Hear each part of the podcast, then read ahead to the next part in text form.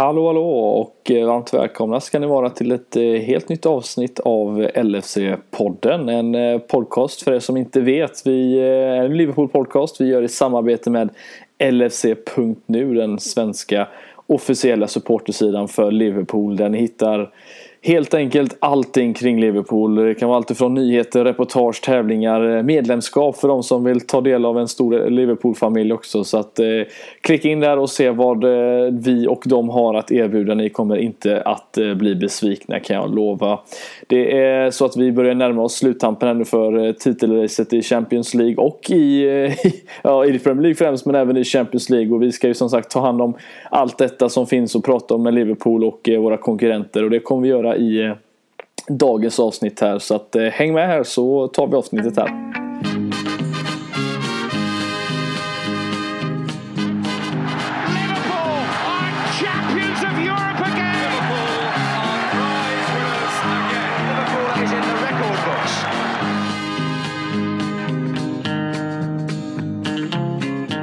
Ja, då hoppar vi in i eh, dagens avsnitt här som eh, faktiskt spelas in eh, här på söndag strax innan halv sex. Vi var mer eller mindre tvungna att eh, vänta in City-matchen som spelas här söndag eftermiddag för att kunna ha någonting att ta med oss eh, in i det här avsnittet. Eh, vi kommer ju såklart prata, eh, så, såklart prata om Huddersfield-matchen som skedde i fredags kväll.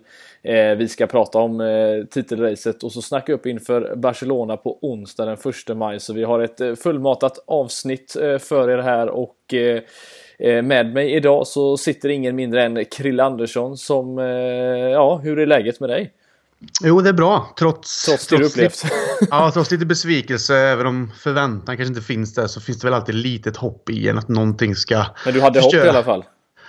Ja, så Burnley borta är ju aldrig en lätt match. Även om vi åkte dit och gjorde ett bra jobb så det ska ändå göras på ett ställe där det är tufft att möta ett eh, liksom bronkargäng om man kallar det så. så att, ja, City är ju City, men eh, Burnley stod emot bra. Men tyvärr, det läckte inte i det långa loppet. Så vi får se vad som sker. Det är lite, lite så här tråkig känsla efteråt, men eh, särskilt när det blir det resultatet och det målet. Det är en annan grej kanske att de hade kört över dem med 2-3-4-0 eller någonting och liksom verkligen ja, bara sopat dem av banan. Men nu fick mm. de ändå kanske kämpa lite för det trots att de var helt överlägsna. Men det är inte slut än. Vi får se vad som sker här på vägen framåt. Det är bara att fortsätta hoppas och drömma och ja, försöka älska varje sekund som, som går av det här titelracet.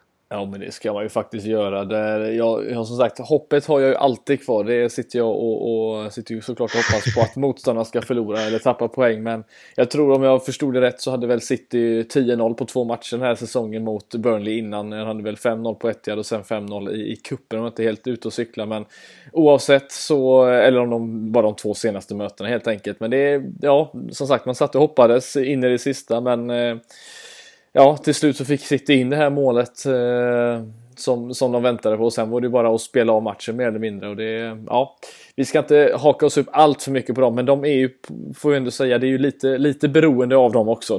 Det får vi ändå säga. Nu har vi det inte i egna mm, händer tyvärr. längre, så att eh, vi får ju göra vårt jobb, men hoppas att motståndarna i det här fallet gör sitt. Men eh, vi kan väl börja med att säga att vi, vi satte ju lite press på dem, eller ganska mycket press får vi ändå säga. Som du säger, det är inte lätt att åka till Burnley på bortaplan. Men eh, vi skulle spela en fredagsmatch istället för en, en tidig lördagsmatch eller en söndagsmatch. Och eh, känns skönt nu med facit i hand att man på något sätt ändå kunde bygga på den här helgen och, och veta vad som ändå skedde. Liksom 5-0 mot Huddersfield och sätta press på City. Det var bästa möjliga förutsättningarna kan man ändå säga inför, ja, inför helgen här. Ja, absolut. Och jag tycker ändå fredagsmatcherna, de som varit nu det senaste det var ju även mot Southampton borta. Jag tycker ändå att det är rätt så trevligt ändå. Eh, innan mm. kanske man varit lite mer emot det just för att lördagsmatch har varit det traditionella och det som man någonstans har vuxit upp med på ett annat sätt kanske med. Och, och således även under perioden i England såklart så var det ju alltid lördagar som var roligast eh, istället för söndagsmatcher och kunna resa om det var bortamatch och så vidare utan, utan tanke på jobb och sånt efter då. Men fredagsmatcher just nu när man sitter liksom i soffan antingen hemma eller som nu i fredags jag var på puben med Norrköpingsgänget. Det var ett bra gäng att kolla på. Det, det är rätt så trevligt faktiskt. Så att det, det, gör mig inte så mycket som jag kanske trodde att det skulle göra när det kom in. Att det skulle bli mycket, inte mycket, men just fredagsmatcher i Premier League. Men eh, nej, funkar faktiskt. Mm. Nej, jag kommer ihåg, eh, som sagt nu spelas det ju fortfarande måndagsmatcher men, när, men för några år sedan här var väl, vad kan detta ha varit? Början av 2010 någonstans där. Jag kommer ihåg, eh, vi hade ett rätt stort måndagsproblem vill jag minnas. Det var flera gånger om vi inte lyckades vinna måndagsmatcher eller matcher utanför traditionella lördag och söndagsmatcher. Men eh, nu känns det som att fredagarna i alla fall har funkat bra för oss. Det får vi ändå säga med, med de vinsterna här nu. Men eh, som sagt, det, känslan inför matchen på något sätt oavsett vilken dag det än var, det var ju att vi behövde göra arbetet eh, och vi behövde göra det på, ett, på ett sätt, just att, att köra över motståndare, få, få den här feelingen att vi faktiskt kan kan komma in i det med ja, avsluta säsongen så bra som möjligt och det tog ju inte jättelång tid och den här gången Kille, jag vet inte om du hann han beställa din första öl innan det var 1-0? Nej, det var, jag, jag, såg faktiskt målet men det, som du säger, det var på håret att jag, jag missade ändå. För att det är, det är folk i rörelse. Även om matchen precis har startat så är det folk som beställt lite öl och det kommer ut vidare. Det är ingen som förväntar sig 1-0 så tidigt.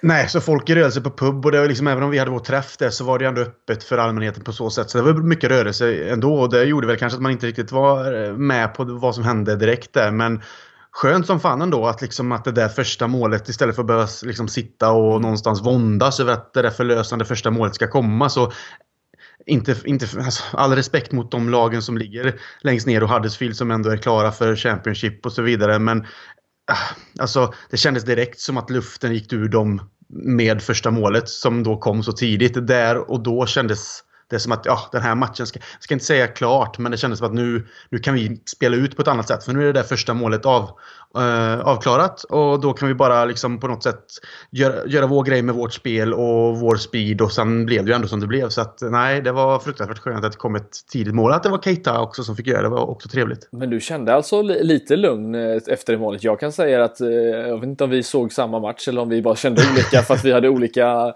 promille i, i blodet. Men, ja, det, så kan det vara. men jag tyckte att efter målet och egentligen fram till till 2-0 så eh, tyckte jag att det såg väldigt nervöst ut. De fick ju väl en 2-3 hörnor inom loppet av 5 minuter. De hade en hel del lägen. Trent hade rätt jobbigt på sin kant i början. Eh, klart, de var ju inte nära på att göra mål, men det var ju faktiskt så att de, de hittade ytor och skapade liksom hörnchanser som, som vi egentligen inte borde ge dem. Vi hade ju kunnat spela ut dem ganska ordentligt, men jag var, jag var inte riktigt... Eh, det var inte så att jag trodde att Huddersfield skulle gå och vända matchen, men jag tyckte det kändes inte riktigt som att vi hade kontroll eh, på, på, eh, på halvleken innan Manés 2-0 mål, men det Kanske bara var jag som är extra nervös nu när vi går in i sluttampen här men... Eh, Nej, men jag, eh, jag är beredd att hålla med dig ändå som du säger. Alltså, det är klart att vi gör första målet och som jag sa, det, det är förlösande på ett sätt att man kan lugna, lugna sig lite. Men ja, precis som du säger så Huddersfield, det var ju inte så att de saknade eh, lite alltså, fasta situationer och lite hörnor och ändå kom upp en del. Men jag, jag, jag kände aldrig den där oron som jag kanske Nej. själv personligen känner i andra sammanhang. Och, den här matchen har jag egentligen aldrig riktigt varit nervös för på samma sätt som jag var nervös inför till exempel Southampton borta. Och det är väl ändå för att all respekt eh, då, fast, fast det är Huddersfield och att de egentligen inte har någonting att spela för förutom sin, sin eh, värdighet på det här sättet att göra en match. Men någonstans kändes det som att det här är en match som Liverpool ska spela av, ska vinna. Eh, om liksom det ska bli fortsatt med det här titelracet. Det känns som att den professionella biten i vårt lag har vi. Vi är inne i den formen och allt sånt där. Så att även om de hade sina perioder där så kändes kändes som att vi, vi löser biffen ändå. Kände, kände i alla fall jag. Så därför smög aldrig den oron på mig på det sättet. Nej, nej men det är klart att man, man, man, man känner väl ganska tydligt att, att vi på något sätt skulle skulle lösa det här problemet men eh, som sagt det var det, ja, det var bara känslan som man kände just, just, för, just för tillfället men eh, det var som sagt eh, ändå skönt att få in det här 2-0 målet som ändå gjorde att vi kunde bygga på någonting Framförallt också att man kände att skulle det rinna på så skulle vi kunna få se spelare som Oxlade Chamberlain till exempel som äntligen satt på, på bänken och fick komma in dessutom och spela som Gomes och liknande nu i, i slutracet här. Så det var ändå skönt att man fick, man fick se dem komma in här. Visst, det är lite längre fram i matchen men eh, som du sa efter, efter 2-0 så var det på något sätt över och vi kunde ändå sätta tankarna lite på Barcelona men när man väl gör det på det här sättet Krille och, och, går och slänger in då fem bollar eh, under matchen och faktiskt kör över motståndet och får alla som sagt sina spelare, alltså Salah och Mané att göra mål, dubbla mål. Eh, nu var det ingen Firmino med den här gången som verkar ha en liten skada som visserligen ser ut att vara tillbaka nu mot eh, Barcelona men, men just att, att de får göra sina mål eh, och komma in i just den här Barcelona-matchen med, med, den formen som de ändå har det, det är ju någonting man satt och väntade på också. Ja, det var jätteskönt. Ja, ja, det var jätteskönt att liksom eh, bägge då fick göra två mål. Eh, eh, Salah och Mané. För någonstans har det varit lite... Eh, Salah hade lite av en, av en svacka om man ändå ska mm. kalla det så. Där inte målen ville eh, komma på det löpande bandet som vi har vant oss att se.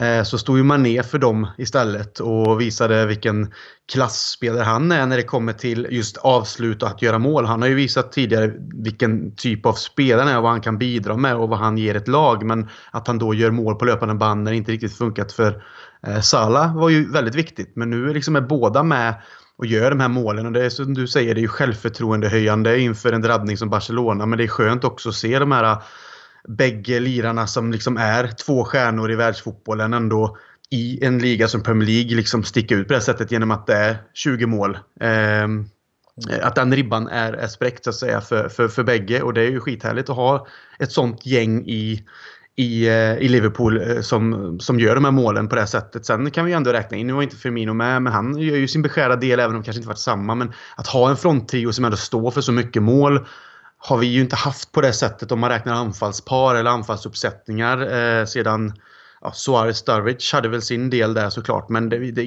går långt bak innan vi hade många liksom, anfallare som kunde bidra på, som, som, på samma sätt som Salah och Mané nu gör. Så att kan man som sagt önska att en sån som Keita som också gjorde mål någonstans kan öka det till nästa säsong eller fortsätta på det här sättet nu innan säsongen är över så kanske vi kan få ett mittfält som kan bidra lite med. För det har ju till exempel Henderson i sin nya roll och så gjort också nu de senaste här. Så att det, det, det ser ljust ut. Trots att vi är i slutet av säsongen så känns man redan, oavsett vad som händer, känner man sig redan hoppfull inför, inför vad som komma skall nästa säsong faktiskt. Så det, det är det som är det härliga. Att man nu kan känna den känslan och någonstans redan blicka framåt trots att vi har ett stort titelrace så kan man ändå se framtiden an med en glädje som kanske inte på samma sätt gjordes för en 10, 15, 20 år sedan på, när det begav sig. Så att nej, det är underbart att se spelare frodas och göra de här målen och den glädje som sprids i truppen. Så att eh, underbart att vara Liverpool-supporter helt enkelt. Mm. Ja men det är faktiskt så som du nämnde, vi håller oss där bara till, till Mané och Salah. Det, det är ju första gången sedan 13-14 som ett lag eh, har två stycken spelare på 20 plus mål och det är ju eh, vi nu då som sagt eh, återigen som, som står för detta och jag får ju ändå säga att, eh, att Salah ligger uppe var ju eh, efter för, förra säsongen på något sätt förväntar man sig kanske att han skulle göra kanske inte lika många mål men nu är han uppe på 21 stycken för tillfället men att Mané ligger och, och, och ja, på 20 stycken. Eh, dessutom eh, jag tror han är näst flest nickmål i Premier League den här säsongen. Han har ju verkligen visat mm. en helt annan sida som man inte hade sett tidigare. Men nu är han ju verkligen eh, en, en straffområdesspelare på något sätt. Det, den såg man inte komma riktigt på det sättet. Nej, och det är väl det som är det härliga, just att här, alltså utvecklingen som han ändå gör som spelare. Eh, och det är väl all heder till, till Klopp och tränarstaben och även såklart kanske eh, lagkamrater också som hela tiden eh, liksom pressar varandra till att bli bättre för att hela tiden få vara i startelvan och veta att man hela tiden är på tårna och allt det här. Men det är väl kul att se en spelare som redan har en sån råtalang och en status när han kommer till oss från Southampton fortsätta utvecklas under de här säsongerna han har varit hos oss och både öka målantalet eh, men också sättet han gör målen på då. Som du ser, nu är han i straffområdet, nickar in dem och han, han kan skjuta utifrån. Han kan vara där och peta in dem också för han har snabbheten att liksom befinna sig på rätt plats. Så att, mm. Han är ju mångsidig spelare med mycket fina attribut på det sättet. Så att, Absolut, han, han kan ju spela den centrala rollen också om det skulle vara så. Nu gillar ju att han utgår från en, en kant kanske, men just när man ser honom där inne så han är ju en striker helt enkelt när det kommer till de här målen han gjorde nu. Så att eh, nej, det, det är som sagt häftigt att se att vi har två spelare som ändå har så många olika attribut som ändå gör alla de här målen och, men också många assist om man ser till den statistiken. Mm. Om man, jag vet inte om jag har frågat dig detta eller om jag har frågat någon i podden. Jag kommer faktiskt inte ihåg det men uh, om, om, om det är någon av de två där nu, Salah eller Mané som, som vinner skytteligan. Uh, Agüero gjorde ju mål idag så nu ligger han ju på 20. Så Salah leder med ett mål här nu men vem, vem skulle du sätta pengarna på i så fall?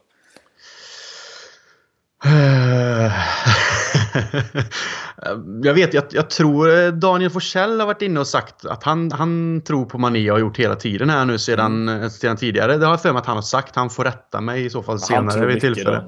Är... Ja, men jag har för mig att han har sagt att han, han tror att Mané tar, tar skytteligan. Men eh, det känns som att Salah har kommit igång nu sen han liksom fick sina mål här och efter det här mot Chelsea, den här jävla struten han satte. Så att mm. jag sätter nog mina pengar på att Salah i så fall är den som eh, ändå, nu när han ändå har ett mål upp, men ändå då liksom har möjligheten att ta skytteliga-vinsten igen faktiskt. Mm. Det skulle jag nog sätta på. Ja, nej, Vad tror jag, du själv då? Nej, jag, jag tror på Mané.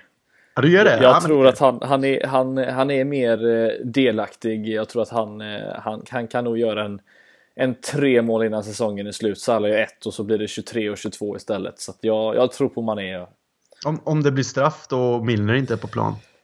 Ja, då är det inte någon av de två som tar den då. Då jag hoppas jag att Fabinho är där och tar den. Det känns ju ändå som Salah skulle vara alternativ där. Han hade alltså... nog gärna tagit den med tanke på vad vi, vad vi fick se mot, uh, vilka var det? Mot Cardiff var det ja.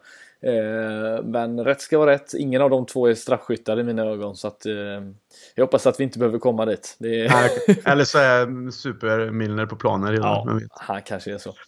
Eh, du nämnde också som sagt en, en intressant grej som jag läste efter. Jag tänkte riktigt, inte riktigt på det under matchens gång men eh, alla målen gjordes av afrikanska spelare. Det är flest gånger, eller flest mål av afrikanska spelare det här har hänt i, i, en, i en match faktiskt som vi slog rekord. Det är lite kul att att, att de tre får, får göra det och eh, att den eh, kontinenten har så pass eh, stor bredd av, eh, av, av, fantastiska fotbollsspelare. Men att, vi, att våra afrikanska spelare levererar det, det är ju fantastiskt kul att se dem göra det också.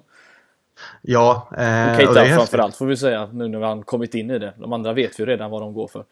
Ja, och jag tänker liksom Afrika och liksom den kontinenten har ju alltid liksom producerat eh, oerhört bra fotbollsspelare. Men Ser man till exempel som Salah som då också, kan vi ju nämna lite snabbt här, han var ju i New York på någon sån här gala för att han ja. var en av, en av hundra, ja, topp 100 i mest... Times, eh, en av hundra mest inflytelserika ja. personer eller något sånt där. Och, och, och, det säger ju också jävligt mycket liksom hur stor han är och han är liksom, man tänker Egypten och det landet som det är och man mm. sätter det i all politik och sånt i, liksom i, och vad som har hänt där tidigare. Det har varit oroligheter och det är väl fortfarande en del men man ser liksom hur en människa som spelar fotboll, som ändå är den sporten som kanske någonstans då för samman människor över hela världen eh, på ett helt annat sätt jämfört med någonting annat som vi vet. Liksom. Eh, och han har det inflytandet på människor och vilken, liksom, vilken kärlek han ger till folket och folket ger tillbaka. Och Det är ju häftigt. Och så särskilt då när det kommer till Afrika som är en, en utsatt kontinent. Och Samma sak med Mané egentligen och Keita för den delen med som är liksom, vad kan man nästan kalla det? Det kanske låter väldigt maffigt att dra till med gudar i sina länder men de är, de är så, så pass stora att de är, de är ju ungdomarnas hjältar. Alla som spelar fotboll vill, från dessa länder vill ju vara nästa Salah, Mané, Keita och så vidare. Vi har ju läst det tidigare i någon intervju med Keita där han är ju så pass ung men den inflyt, inflytandet han haft på unga fotbollsspelare och så vidare i sitt land. Så att Nej, det är bara kul att det finns de här personligheterna som har den statusen som kan göra gott med det. Och det är väl liksom Sala då. Eh, det är klart, eh, om han är med där i New York och är på den här galan just av det, den anledningen så är det väldigt vackert. Och det är bara att hatten av till honom. Han verkar ju vara en väldigt, särskilt med hans målfirande nu med, en väldigt harmonisk person. Mm, verkligen. Ja, jag tänker att det diskuterades huruvida han var att han var arg och inte firade sina mål och liknande och nu, eh, ja, det är fantastiskt vad, vad sociala medier kan göra med, eh, med varandra. Men eh, nej, skönt att, att vi fick klarat av att han är nöjd helt enkelt. Och det gjorde väl Klopp ganska, jag vet inte om du såg det klippet innan matchen, att han fick frågan om, det florerade ju rykten om att Firmino skulle vara ute resten av säsongen och då sa han att han hoppade på sociala medier lite med, med all rätta såklart. Och, nej, det, det, är mycket som man läser man kanske inte ska, ska ta sanning i. Men det var väl, det, det var väl samma, ja, men det var väl samma sak som han sa det här med att det skulle varit på sociala medier och rykte om att Salah och han hade haft ja, någon eh, burst ja, out liksom, och, och börjat bråka. Liksom, och att han då skulle vilja lämna klubben i sommar. Och jag kände väl direkt att det här är sån skitsnack. Alltså, den harmonin man ser i hela klubben som genomsyrar allt som har med Liverpool att göra just nu. Visst, saker och ting kan hända men det känns känns som att de är två människor som i så fall, om något sånt skulle hända, ändå kan reda ut det. Det känns inte som att det är eh, det, är Liverpool på det sättet. Så att nej, sociala medier och rykten och så vidare. Det, det är kul ibland men det kan också ibland eh, kanske rinna över lite. Ja. Nej men precis, nej det var skönt att eh, han fick eh, ta bort den delen. Eh, som sagt 5-0 mot Huddersfield. Eh, jag vet inte om du satt och kände samma sak att nu bättrar vi på målskillnaden faktiskt här. Det, ju, det finns ju inte, inte helt omöjligt att allting kan avgöras på målskillnad i slutändan men Eh, sitter du och har något hopp om att vi ska stänka in 5-6 bollar ytterligare här nu innan slutmatchen, eller sista matchen och, och försöka hoppas på, på det i slutändan? Alltså, eller är ja, man för, för, tror man nej, för men, mycket då? Ja, alltså det, jag tror att det, ja, det blir svårt. Säg att man har gjort tre till på Huddersfield. Alltså att vi hade fått de siffrorna och kanske kommit upp ja, lite. Det är fyra bollar bakom, fyra mål bakom för tillfället. Ja, men jag menar, hade vi tänkt att vi fått in lite Eh, lite fler bollar mot Huddersfield. Kanske någonstans funnits en chans. Men jag, jag, tror att det skulle bli svårt. Men man vet aldrig. Nu, nu väntar liksom då Newcastle, just det, vi pratar Premier League, då borta. En svår match som jag tror kanske inte blir en målkavalkad på det här sättet. Men alltså Wolves hemma, de är också ett bra lag. Men det, det, finns chans ändå att göra mål. Men jag tror att det blir jäkligt, jäkligt svårt. Men eh, chansen finns där. Det är ju inte omöjligt. Så Nej. ett lag som Liverpool, vi vet ju att de kan liksom bara gå loss och det kan trilla in bollar liksom, eh, som, som mot Huddersfield egentligen med. För 5-0 är ändå som du säger det och ta in på målskillnaden och varför inte om man märker att liksom man har det den dagen där allting bara funkar. Säg att det skulle vara mot Newcastle jag har upplevt Newcastle borta en annan tid såklart. Det var ett antal år sedan men det var väl näst sista eller sista omgången av Premier League. Kommer inte ihåg riktigt men då gick Liverpool dit och vann med 5-0 om jag inte missminner mig helt. Och det var Henderson och Agger och Coutinho och grejer. 6-0 den matchen. Ja, Borini gjorde till och med mål. Så men, det, det, går, det är inte omöjligt. Och det här laget vi ser nu är eh, absolut mycket, mycket bättre än det laget då. Så att, eh,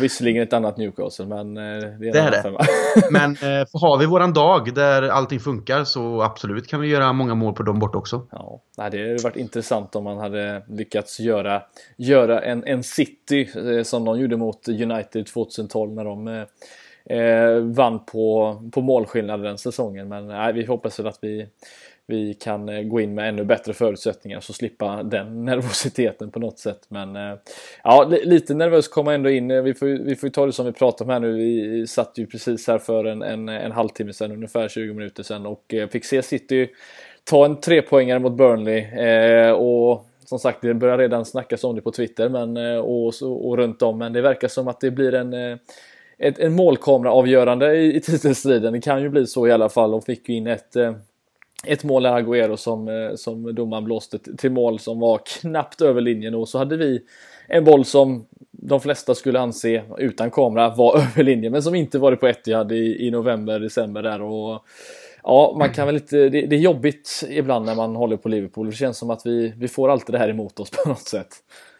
Ja, alltså just att tekniken finns där är man ju glad över ändå. Men i, det här, i de här lägena så är det ju frustrerande precis för att de, deras boll är ju inne rätt så. Våran boll är inte inne rätt så också. Eh, det är tråkigt dock om det skulle vara det som faktiskt avgör att eh, City går och vinner Premier League-titeln också givetvis. Så, eh, sen kan man ju prata om en, just om när det kommer till målmarginalen och just är den över linjen eller inte. Och nu har man tekniken för att se det. Men sen ser man ju på alla andra marginaler man någonstans har haft med sig. Eh, någonstans finns ju allting där mer eller mindre. Väger över, väger liksom... Någonstans blir det ändå att man, man får tillbaka det samtidigt som det ges bort. Eh, tillfälligheter och ibland är de fasen inte så roliga. Så jag menar, vi, vi kan ju se på våra matcher som mot Everton med, med, med ribbträffar mm. och Rigis mål och sånt. Det är också sådana osannolika händelser som egentligen inte sker liksom. Men, men där vi får tre poäng i, i, i sista sekunden typ för att en ribbträff som ja, den, den studsar tillbaka. och är det så att det som sagt är ett mål, eh, målkamera som avgör i det här läget så jag menar vad, ska man göra? Vi kan ju som alla andra säger och spelar att vi kan bara göra vår del i det och City de lyckas ju med som idag nu mot Burnley göra sitt. Så att, eh, mm. nej. Det, ja, det är väl mest det här tufft. att man, man, man sitter här under hittills då 36 matcher. Man har sett två stycken lag eh, totalt dominera i, i, ligan. Vi har ett lag då i mm. Liverpool som bara förlorat en match som har varit helt outstanding, slog, slått nytt eh, hemmarekord med, med, i och med att vi tog nu tre poäng så 50 poäng på Anfield den här säsongen som är ett, ett nytt klubbrekord, bara en sån grej. Vi har ett City som bara maler på och maler på i slutändan. Eh, och liksom mm. att man har två lag som, som, som verkligen kör över motståndarna och ligger så pass mycket längre före och så kanske det då är en målkamera som avgör. Det, det är ändå lite ironiskt i slutändan att det är sådana små marginaler som ska göra det. Att det inte är en, en match eller något sånt där utan att det är en, just sådana små marginaler i slutändan. Ja, det, bevis, det bevisar ju hur tajt det är då mellan ja. lagen också för en del. Precis. Ja, så att nu får man väl sitta istället då och hoppas på att eh, att Brendan Rodgers ska, ska göra sitt, Det är ju faktiskt så att ska vi inte glömma, det är klart att City har, har Leicester nästa match och, och det är visserligen på Etihad men Leicester är det tredje mest formstarka laget i, i ligan efter just oss och City som eh, förvisso då har 12 raka vinster i, i Premier League. Det är nästan mm. löjligt att säga det men sedan Newcastle-förlusten eh, så har de faktiskt gått och vunnit 12 raka och det får man ändå ta av hatten för men eh, men känner du att det finns, alltså vi, återigen det här hoppet vi pratar om, men eh, Burnley borta, absolut en svår match. Jag förväntar mig inte att de skulle göra två, tre bollar på dem, men, men Leicester som, som gick och tvålade dit Arsenal då med 3-0 tidigare eh, under dagen. Eh, där finns det ändå lite mer att hoppas på. Vi har en Vardy med den snabbheten, vi har tekniska spelare bakom honom och, och, och bra försvar i slutändan. Det är ändå ett, ett stabilt mitt, topp, ja vad ska jag säga, sjunde, sjätte, sjunde lag i slutändan. Känner du ja, ännu större hopp där på något sätt? Ja, nu, nu spelar ju City hemma, men de måste ju fortsatt gå för vinst. Eh, och när de ändå då måste pusha framåt så finns det ju faktiskt ett Leicester med en Vardy i spetsen som du säger, med den snabbheten som kan straffa. och ett, ett duktigt lag på pappret har de. Leicester, de har ju en uh, Brennan Rodgers nu som vi väl känner, känner till sen till Liverpool och han, att han liksom vill spela fotboll och Leicester har de spelarna för att kunna göra det. Mig lite. ja, ja, kanske. Men någonstans känns det som att liksom, kan inte City direkt få ett kopplat grepp om Eh, om Leicester på det sättet. Så, ju längre tiden då går desto större. Alltså, då, då, det är det som är grejen. Att överleva de här 20-25 inledande när det blir liksom den här ah, ah, liksom attack-attack på det sättet. att Det är där man vill få in en boll för att någonstans kunna hitta eh, stabilitet. Precis som vi fick nu med Keita. Just att kunna känna okej, okay, vi har gjort det där målet och sen kan vi spela med vårt spel. Så länge Leicester kan hålla ut från, från det, desto mer desperat tror jag att ett City kan bli. Och det är det som också blir farligt. Att då, ju mer de måste pusha fram för att göra det första målet för de här tre poängen de måste ha. Desto farligare tror jag också blir med eh, att Leicester kan ha sina kontringar och även på eh, fasta situationer med Maguire och sådana här. Så att Leicester är absolut ett lag som kan sätta käppar i hjulet för City. Hoppet finns där men eh, samtidigt eh, på Etihad och så vidare. Så att, eh, att den här starka tron finns det ska jag väl säga att nej, men eh, Brendan Rodgers kanske kan göra någonting med sitt Leicester Pool så att säga.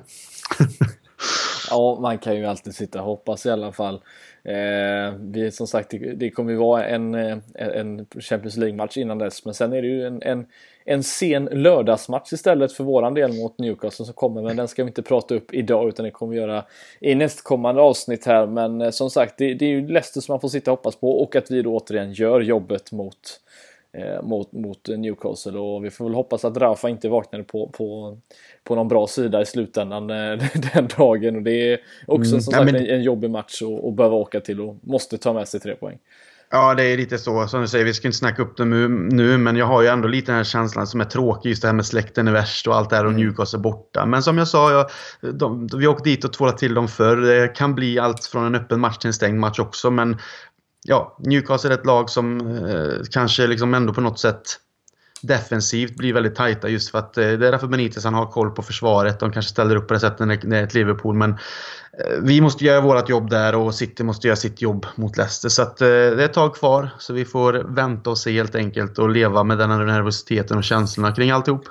Ja, verkligen. Ja, nej, det är som sagt, det var ju Newcastle som stod för den senaste eh, förlusten för, för City, så att vi får väl eh, se hur det spelar ut sig. Men eh, som jag nämnde så, så sker det ju lite intressanta saker däremellan och eh, jag tänkte att det är lika bra att, att börja snacka upp det eh, som kommer här. Det är ju semifinal i Champions League. Det är, det är halva podden away kan vi säga. Lite poddenresa på något sätt. Det är du, Danne och Jocke som ska eh, vara på plats på Camp Nou eh, och eh, se Liverpool köra över Barcelona förhoppningsvis. Eller i alla fall komma med så bra förutsättningar som möjligt till Anfield veckan efter. Men du har inte varit där tidigare om jag förstod det rätt. Nej, eller, ja, Barcelona kanske du har varit men Eller, eller Camp Nou kanske du inte har varit på?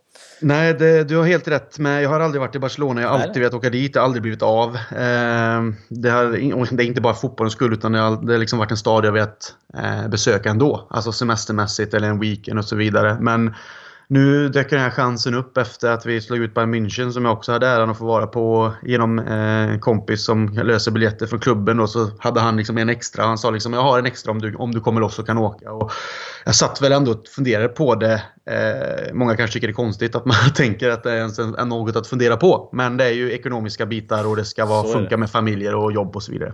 Men jag kände väl ändå att fasen, jag kan inte låta den chansen, eh, Champions League-semifinal mot Barcelona på Camp Nou, eh, gå till spillo. Liksom. Så jag kände att nej, det får, det får gå. Eh, och det ska bli riktigt kul faktiskt att både få uppleva Barcelona och sen eh, Camp Nou men också se en sån här match där jag känner ändå att Liverpool har en slags chans. Barcelona Barcelona, nu kröntes de till, till spanska mästare igår va? Mm, eh, och de har ju två Liverpool-bekantningar i Suarez Coutinho. De har en, liksom världens bästa spelare enligt mig de senaste det blir fan 15 år snart. Det är helt sjukt bara det.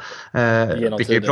Ja, det är väl liksom det också enligt mig. Vi kan prata Ronaldo och Messi hela tiden fram och tillbaka och vem som är bäst. Men just fotbollsmässigt naturligt för mig så är Messi ja, bäst.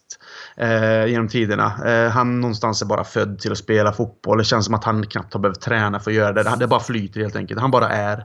Mm. Eh, så det ska bli kul att få se honom live också för den delen. Men Ja, jag sen känner ändå att eh, Liverpool har en chans. Vi har som sagt en fronttrio som, som tillhör eh, tre av världens bästa tillsammans i ett lag som för tillfället är ett av världens bästa. Så att eh, liksom som sagt ligger i toppen av Premier League in i racet. Vi är i semifinal Champions League det andra året nu. Vi var i final förra. Vi, liksom, bara att titta på det på pappret och se vart vi har kommit med Klopp på väldigt, väldigt kort tid.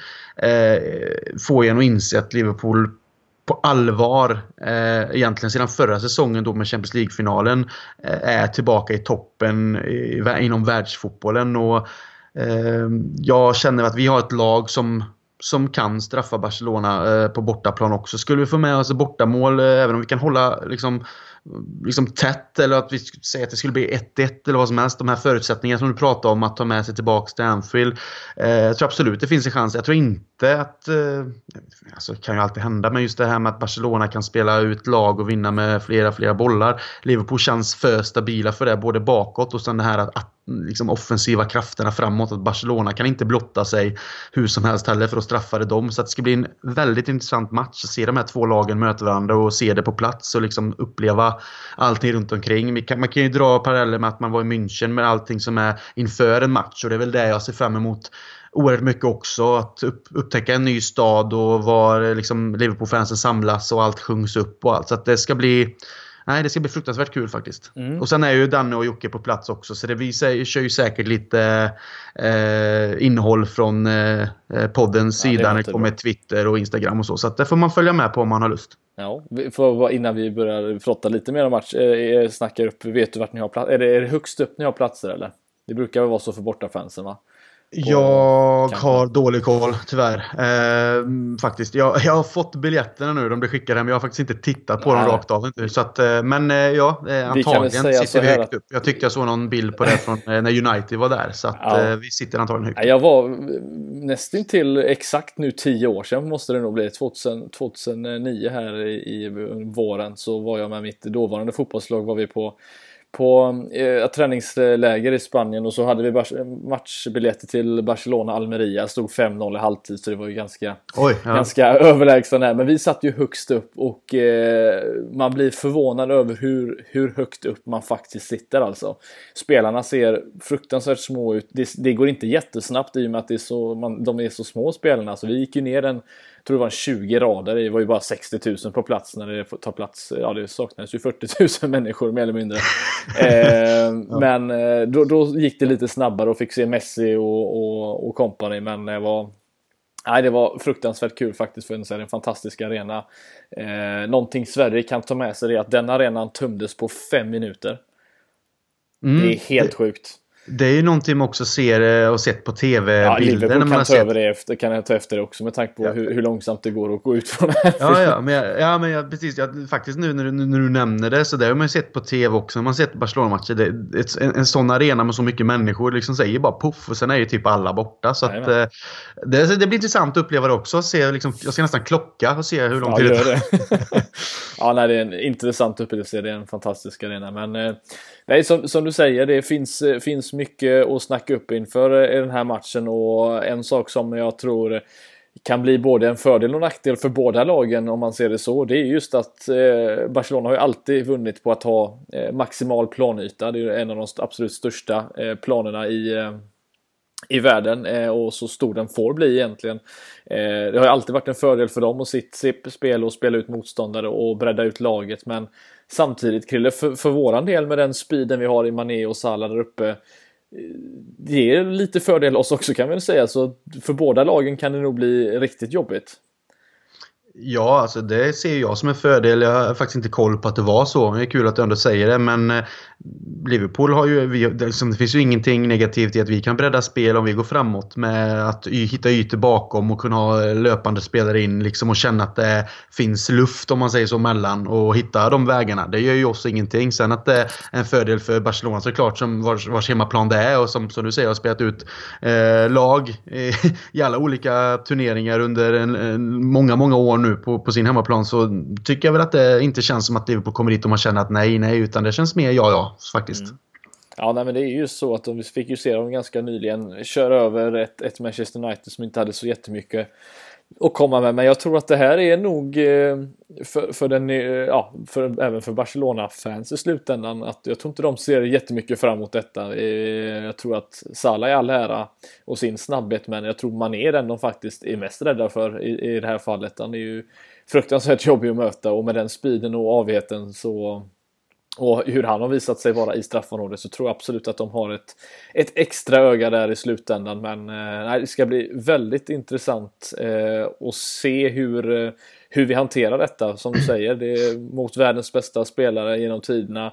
Och sen har man en Suarez med det förflutna han har och så kanske en Coutinho som får spela eh, jag vet inte riktigt, det här är ju upplagt för en av de absolut mest sevärda matcherna under, under hela året för, för ja, vem som helst den objektiva egentligen. Men eh, detta kan bli något alldeles extra tror jag. Ja, absolut. Jag vet inte riktigt hur stor koll du har på Barcelona och deras spelare. Jag, har inte, jag kollar ju inte på fotboll i andra ligor lika mycket som jag gjorde eh, när jag var lite yngre. För att den tiden finns inte på samma sätt idag. Men eh, man, klart man kollar på stora matcher mot Madrid och så vidare. Men det känns ju lite som till exempel mittfält. Eh, vet jag inte, nu har ju Coutinho varit det vet ni, bänkad mycket och det har varit rykten om hit och dit, alltså flyttar och så vidare. Men jag tänker till exempel sån som Busquets som varit med i gamet länge. Han är ju inte den snabbaste fotbollsspelaren. Jag känner, känner att vi har ju ett mittfält som kanske inte är liksom, på något sätt eh, det mest tekniska. Och visst, nu har vi ju haft en Keita. Jag vet inte hur vi kommer ställa upp heller. Det får vi se om lite. Men jag tänker liksom att utnyttja just de delarna där det finns kanske möjligheter att komma förbi spelare som börjar komma lite ålderns höst. För Barcelona är fortsatt Barcelona, men det är heller inte samma Barcelona som vi var vana att se för, för fem år sedan liksom, med Iniesta, Xavi och de, de spelarna. Nej. Utan det är lite annorlunda i alla fall. Jag tror att det passar Liverpool mycket bättre nu än vad det har gjort då. Om man ska se till att om ja. det hade varit samma lag då. Alltså vi är betydligt närmare Barcelona idag än vad, vi, vad, vi, vad, vad dagens Liverpool hade varit med, som du säger, Barcelona för fem sex år sedan i slutändan. Då, då, då var det en helt annan, eh, ett helt annat lag. Men sett till, till laget som jag tror att de kommer spela så, så lär det vara ett mittfält bestående av Busquets, Rakitic och Arthur exempelvis. Ett, ett mm. lag, det var ju de som spelade mot United också. Och där, det är klart som du säger, det är absolut inte världens snabbaste mittfält. Det är eh, betydligt mer tekniskt mittfält än vad vi har. Eh, får vi ändå säga. De är betydligt mer bollskickliga än vad, vad våra mittfältare är.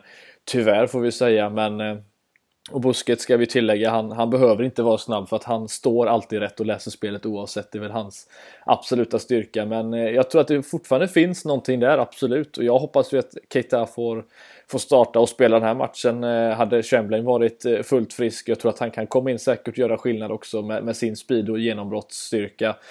Det finns någonting att hämta där, absolut. Jag, för, för mig handlar egentligen allting bara om hur vi hanterar Messi. Det är alltså Suarez absolut fantastisk spelare. Han är inte samma Suarez han var för två, tre år sedan heller. Men Messi fortfarande, det, det är den man behöver man, den man behöver hålla koll på och stoppa eh, så mycket man kan. Och det, det, är inte lätt att göra det, det vet vi. Men eh, man kan väl säga så här för de eh, tv-spelsnördar som lyssnar så kan man väl säga att för, för Messi är väl det här ungefär som möta den sista bossen ungefär nu att komma upp mot van Dijk. Eh, eller, eller om man ska säga tvärtom att eh, sista bossen för Messi att möta van Dijk i slutändan. Det, det är liksom två av de absolut bästa på varsin position som kommer gå upp mot varandra och det är bara en sån grej kan ju faktiskt bli väldigt intressant att se hur han, eh, huruvida Messi exempelvis väljer att kanske inte gå åt det hållet. Så vi kan ju, vi kan ju väl säga hur bra han Messi än är. Han vet ju mycket väl om att ska han gå förbi någonstans så är det ju inte på van Dijks sida han har det lättast utan det kommer ju vara på eh, mellan ytterbackar eller på Matip eller Lovrens sida i slutändan. Det, det, det, det vet vi ju redan. Men eh, van Dijk Messi matchup tror jag kan, eh, det vattnas ju faktiskt ganska mycket i munnen får jag faktiskt väl säga. Ja, och det är särskilt när man ser på att eh, van Dijk liksom har stoppat eh, världsanfallare i Premier League under hela säsongen och sen även då i Champions League eh, mot de lagen vi har mött eh, vars anfallare inte haft en, en chans egentligen mot honom.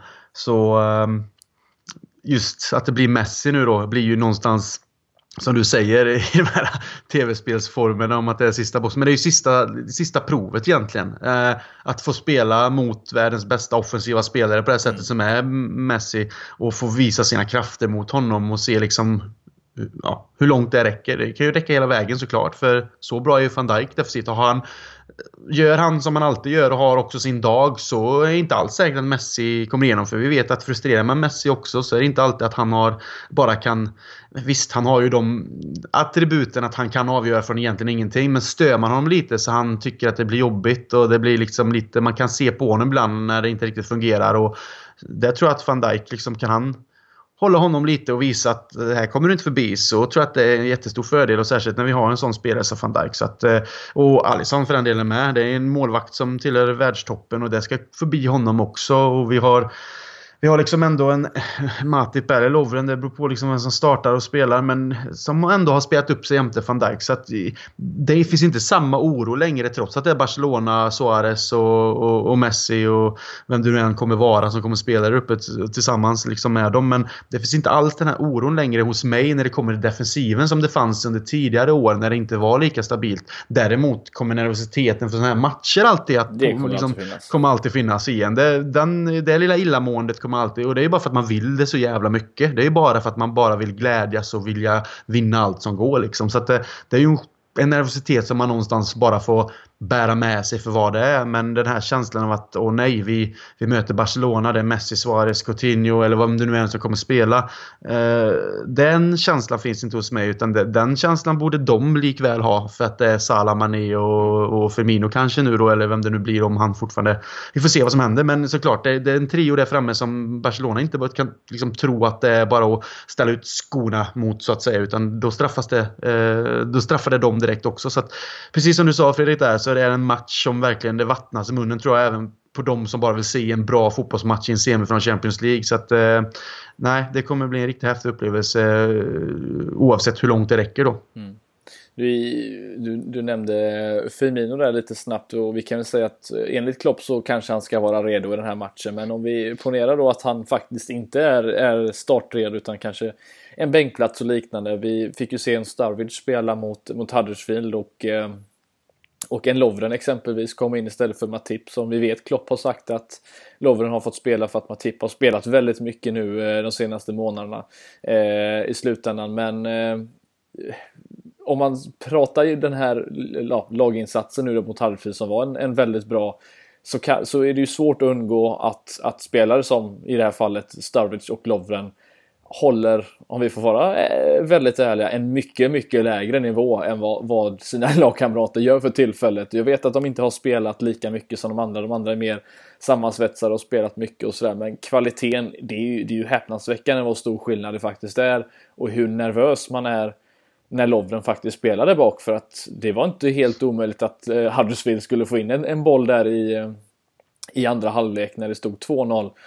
Eh, Ja, jag vet inte riktigt vad man ska säga. 3-0 stod det väl. Eh, jag vet inte riktigt vad man ska säga, men eh, att, att Matip kommer in känns ju som en, en, en trygghet på något sätt i det här fallet, snarare än att Loven startar. Och jag ser mycket hellre att Origi kommer in än Starwich som jag var riktigt, riktigt besviken på efter matchen nu i fredags. Ja, alltså Starwich har ju förlorat eh, väldigt mycket i sitt spel när det kommer till snabbhet och den här... Eh, han är ju fortfarande en nu, nu tar ju han lite avslut utifrån när det blir fel, men han är ju fortfarande en klinisk avslutare när det blir det här naturliga. Alltså när det blir det här att han kommer och curlar den förbi målvakten liksom i steget. Jag ska inte säga att han kommer fri, men han kommer i de här positionerna han liksom får använda sin vänsterfot.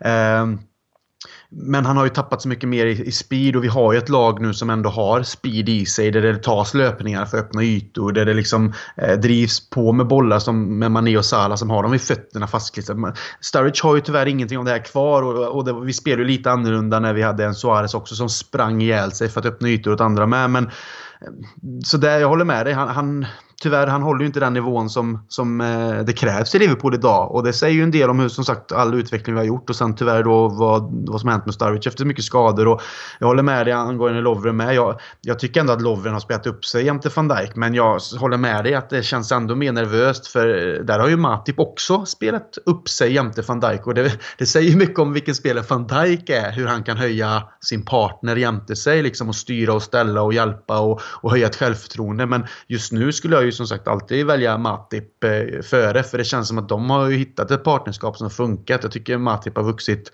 ända sedan han egentligen kom in och de, liksom hela vägen fram. Och sen att nu han får vila då för att han kanske behöver det just för att han har varit mycket skadad och det är dumt att riskera och det ändå blir en rotation. Och Lovren har ju också varit skadad så det krävs ju att han får in fotboll i benen också och matchande. Eh, men jag gillar ju till exempel, för att ta en liten, sån här, liten joker. Jag gillar ju till exempel när Shakiri kom in nu. Mm. Eh, och även om det är Huddersfield och vi leder. Han har ju någonting som jag tycker att ibland vi kan sakna. Det här insticket han gör, jag tror det är till... är det Robertson? Till, eh, Robertson ja, ja, och som sen spelar in det till Salah. Och jag menar där liksom han, han får bollen, den vänder upp den, ser den, och det är en perfekt avvägd passning för Robertson som kommer i, i raketfart och lägger, han behöver liksom inte stanna upp, han behöver inte jaga bollen utan han kan bara komma i den här perfekta eh, harmoniska farten som han är och bara slå till den liksom och så hinner ju inte försvaret med då för allting går så snabbt. Och där tycker jag att vi har en spelare som vi tyvärr inte fått sett lika mycket det senaste.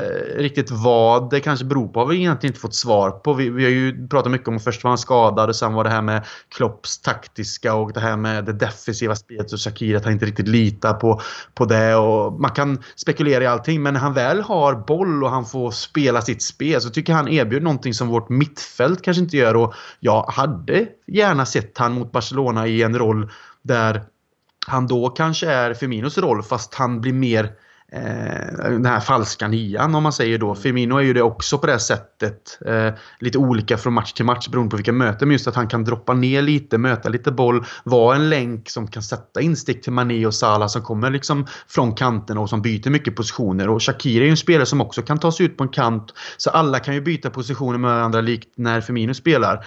Så jag har inte haft något emot, även om det är Barcelona borta, att han fick någon roll där det kanske kan erbjudas någonting extra i just det spelet offensiva när det kommer till instick, lite eh, kombinationsspel och även farliga skott och frisparkar. Så. Sen tror jag inte det kommer bli så, men i, när jag ser det på det sättet så hade jag inte haft något emot det. Eh, jag tror inte att hans roll på det sättet skulle påverka att ett helt lag som Liverpool kollapsar defensivt. Liksom. Utan Nej.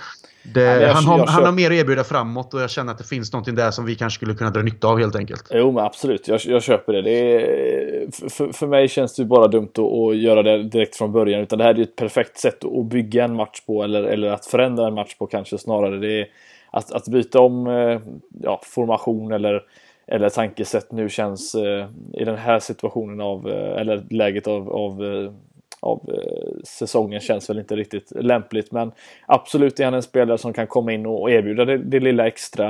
Eh, vi vet att han hade ett bra ett bra, ska man säga, eh, några, några matcher blir det väl egentligen han fick i, i, i följd här i mitten av säsongen. Han gjorde det väldigt bra men eh, jag hoppas att han verkligen får, eh, får chansen också. Nu har vi ju eh, som sagt lite extra spets på, på bänken i, i honom och eh, Oxlade exempelvis. Som, synd att han inte fick göra det målet förresten mot Huddersfield. Det hade varit eh, riktigt skönt om han hade fått eh, dratt in den med vänsterfoten. Men eh, det finns lite bättre spelare att hämta in nu faktiskt och framförallt om Firmino startar då känner jag att det finns lite speed och kreativitet att, att, äh, att sätta in om, om det skulle behövas. Men ja, eh, det helst, kanske... Ja. Förlåt, ja, men förlåt, helst vill man ju såklart att Firmino ska starta. Så det är ju inga, inga konstigheter. Men jag menar som när du säger det här med att man ändrar om och så. Men jag känner att en Sturridge bortom Barcelona. Ja, det är det sämsta du kan alltså, Han ja, kommer men, aldrig ja, vara men, i närheten av bollen överhuvudtaget. Nej, och det är lite därför jag då, jag i min värld när jag ser det så, skulle hellre i så fall sätta in en Shakiri just för den delen. För det känns som att Sturridge är helt ja, borta alltså, Barcelona. Mané det finns kan ju mycket väl spela centralt och det kan Salah också göra. Jag tror att eh, det är inte helt omöjligt att någon av dem faktiskt starta där om det skulle vara så. Det, det skulle jag absolut kunna se en Shakiri mm. på, på, ute på kanten. Det är inte helt omöjligt. Nej, för Sturridge tror jag inte. Och det känns... Visst, Origi. Eh, möjligen. Vi har ju sett att Klopp har gillat att sätta in honom och även startat honom nu lite senaste här. Men ja, vi får se. Men helst med Firmino. Men just den här tanken vad, vad, vad Shakiri faktiskt kan erbjuda i en sån här match jämfört med Sturridge. Det, mm. det, det, finns mycket som du säger intressant att ändå kunna plocka in och laborera med. Oavsett om det är starta eller om det kommer in från bänken. Och det är ju skönt på sitt sätt. Mm, precis. En sak som, som jag satt och tänkte på innan vi började spela in här. Eh, vi, I gruppspelet i Champions League så var det ju Eh, våra bortamatcher kan vi säga, eller borta facit var ju rent sagt eh, uruselt. Vi förlorade alla tre matcherna.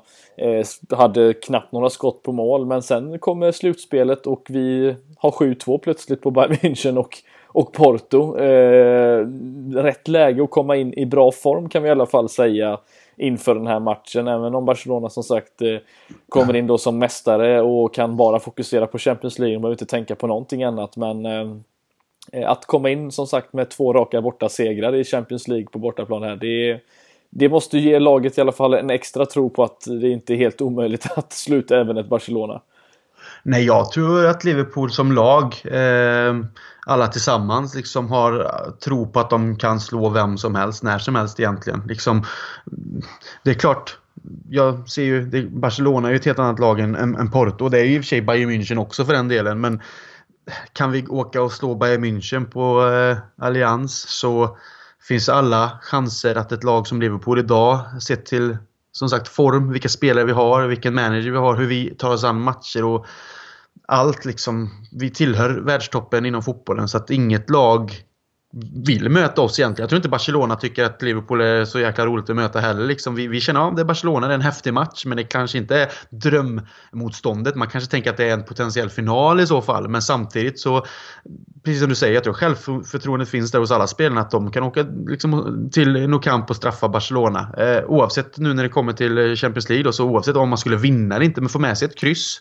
Säg ett 1 resultat eller 0-0. Alltså, visst, ett bortamål är alltid bra, men att få med sig ett resultat som du sen kan använda hemma. Och det tror jag absolut att de har eh, all förmåga och tankar kring att de kan göra. Att de, de räds inte Barcelona. De har respekt för dem, absolut. Eh, och det har ju, har ju alla. Men Eh, ingenting som säger att det finns en rädsla utan mer det här att ja, men vi kan åka dit och göra jobbet och sen har vi Anfield bakom oss den 7 maj och kan göra ett jobb där också med, med allt vad det innebär. Så att eh, Barcelona ska absolut inte känna sig säkra. Så att vi, givetvis ska vi åka dit med ett självförtroende. Sen eh, gäller det att komma ut och inte bli kanske för skraja på någon kamp, att det känns liksom för stort. Eh, Självförtroendet som sagt tror jag finns där men det, samtidigt måste man fånga den här matchen på något sätt tror jag. Jag tror inte att man får låta Barcelona bli Barcelona som vi har vant att se oss genom åren för tidigt. Utan vi måste nog visa att vi är där för att för att eh, ställa till problem. Annars så kan det kanske bli lite farligt såklart. För de, de, är så pass skickliga som du nämnde, bollskickliga och med de här där framme Suarez som liksom egentligen då kommit till form igen och gör massa mål och sen är Messi som är Messi. Så nej, all, all planering och eh, förber alla förberedelser tror jag absolut Klopp har koll på. Så att det blir nog en känsla av att vi bara vill eh, se en grymt bra match och att Liverpool har alla chanser att kunna göra ett bra jobb där nere. Det tror jag vi, vi faktiskt kan nästan sätta... Kan nog bli, vi kan nog vara säkra på att Liverpool kommer komma dit med en, en bra plan. Hoppas bara som sagt att, eh, att allt går enligt plan också så att vi kan eh, komma med ett bra resultat till Anfield veckan efter. För det tror jag som sagt Suarez, Coutinho tillbaka på Anfield. Det kan, eh, och, om man har en, en, en bra möjlighet att, att, vinna den matchen eller ta sig till Champions League-final igen. Det jag tror inte riktigt, kommer ihåg senast att Anfield kanske skulle kunna vara så där taggat som det var. Som det kommer vara i så fall då. Det är en helt galen tanke bara att tänka att vara på plats då. Ja, eh, ja det spel, den spelas ju i, ska vi, 7 maj. Ja, så att den spelas ju i, i veckan innan sista omgången där mm. också. Så beroende på vad som sker fram tills dess så eh, det kan vara jäkligt mycket som bara händer den veckan där beroende på hur det kommer gå nu i de sista här fram, fram, fram tills dess. Så att eh, eh nej, vi vi är ett gäng som ska över också till sista matchen som är bokat såklart, både podden och andra som jag känner. Men det hade varit häftigt att kunna åka på eh, andra matchen i, mot Barcelona också. Men fan, det får finnas någon, någon måtta någon på det också. Det, ja, det blir, blir, lite väl mycket annars. Men ja. nej, som du sa, det, det är oerhörda stora veckor som ligger framför Liverpool nu de här kommande, vad blir det, två, två och en halv veckorna. Så att eh, nej, det kan betyda oerhört mycket. Och skulle det inte räcka hela vägen fram och nu pratar jag både liga och Champions League. Så har vi ändå gjort allt i vår makt för att försöka göra så, alltså att försöka vinna det. Vi i så fall har vi varit med hela vägen i titelracet i Premier League. Vi har kommit till en semifinal i Champions League och det går bara att bygga vidare på. Så att, nu sitter inte jag och säger att det inte ska hända att vi vinner men någonstans har det redan börjat sjunka in hos mig lite att skulle vi inte lyckas för att City är helt efterblivet bra en säsong till och vi ändå skulle åka ut i en Champions League-semifinal mot Barcelona. Ja, det är en Champions League-semifinal. Vi var i final förra året och vi slutar bara till exempel då någon poäng bakom ett City som är helt fenomenal i Premier League finns ju egentligen bara positiva saker. Det är bittert men det finns bara positiva saker att bygga vidare på. För det är precis det här som vi har gnällt över i många år. Att vara med i toppen. Att vara med så långt det bara går i de här stora turneringarna som Champions League och Tas. hela vägen fram till semifinaler och finaler. För ser man på de här stora lagen så de tar sig dit. Sen vinner de inte alltid varje år, men de är alltid med och figurerar i de sista omgångarna liksom och kanske då kommer etta, tvåa, trea i sina inhemska ligor. Och det gör de säsong efter säsong efter säsong. Det är inget som kan begära att ett lag ska gå och vinna allt hela tiden. För det, det är skiftningar av spelare, det är andra lag som har momentum, det händer väldiga eh, alltså, legendarmatcher. Vi såg till exempel bara den här eh, City-Tottenham senaste Champions League. Sådana matcher händer ju också som skapar eh, händelser. Men just om man ser till helheten, att bara få vara med hela tiden i de här sammanhangen och kunna fortsätta med det eh, säsong efter säsong. Oavsett om det leder till pokaler eller inte, man hoppas ju det. Men att kunna hela tiden få vara med där uppe och känna att ja, vi är alltid i toppen och så, såklart ändå få vinna både Champions League och Premier League inom en snar framtid. Oavsett om det sker om några veckor eller om det är senare och nästa säsong. Eller, alltså, det är det som är så underbart för man sitter ofta och gnäller kring det här att ja, vi vill där, vi var i Europa League, vi är borta ifrån Premier League-titeln i november, december. Liksom, redan så tidigt, det har redan gått tåget, bla bla bla. Helt plötsligt så är vi med hela vägen. Vi låter inte bara tåget gå från perrongen utan vi hoppar på jävla tåget och kör bara så, som, liksom, så in i helvete. nu svär jag mycket, men det är ju den här känslan av att hela tiden känna att Liverpool är tillbaka på toppen och det är underbart och det får man inte glömma bort. Så det är viktigt att ta med sig det oavsett hur det går nu så har vi allting underbart att bara bygga vidare på därefter också. Helt klart. Helt klart. Hur eh, slutar matchen nu då? ja du. Eh, eh, det, ja, det är alltid en sån här fråga. Nu, nu, nu, när man befinner sig på Inte plats. tänk, bara, bara säg. Ja, men det, det, nej, magkänsla finns knappt någon. 1-1 säger någonting bara. Så 1-1. Vi får med oss ett kryss från kamp då. Vi gör ett bortamål. Mm. 2-1 säger jag till Liverpool. Du tror det? Ja, det... Nej, jag hoppas det. Ja, men, men, ja, men, ja, men har du, säger din magkänsla det? För jag går ju ändå på vad jag ja, känner. magkänslan säger, säger kryss. Ja, okay, ja. Jag tror vi så pass, eh, vi kan eh, dra jämnt med dem så pass väl. Eh, men att, att det kryss, det, det tror jag absolut.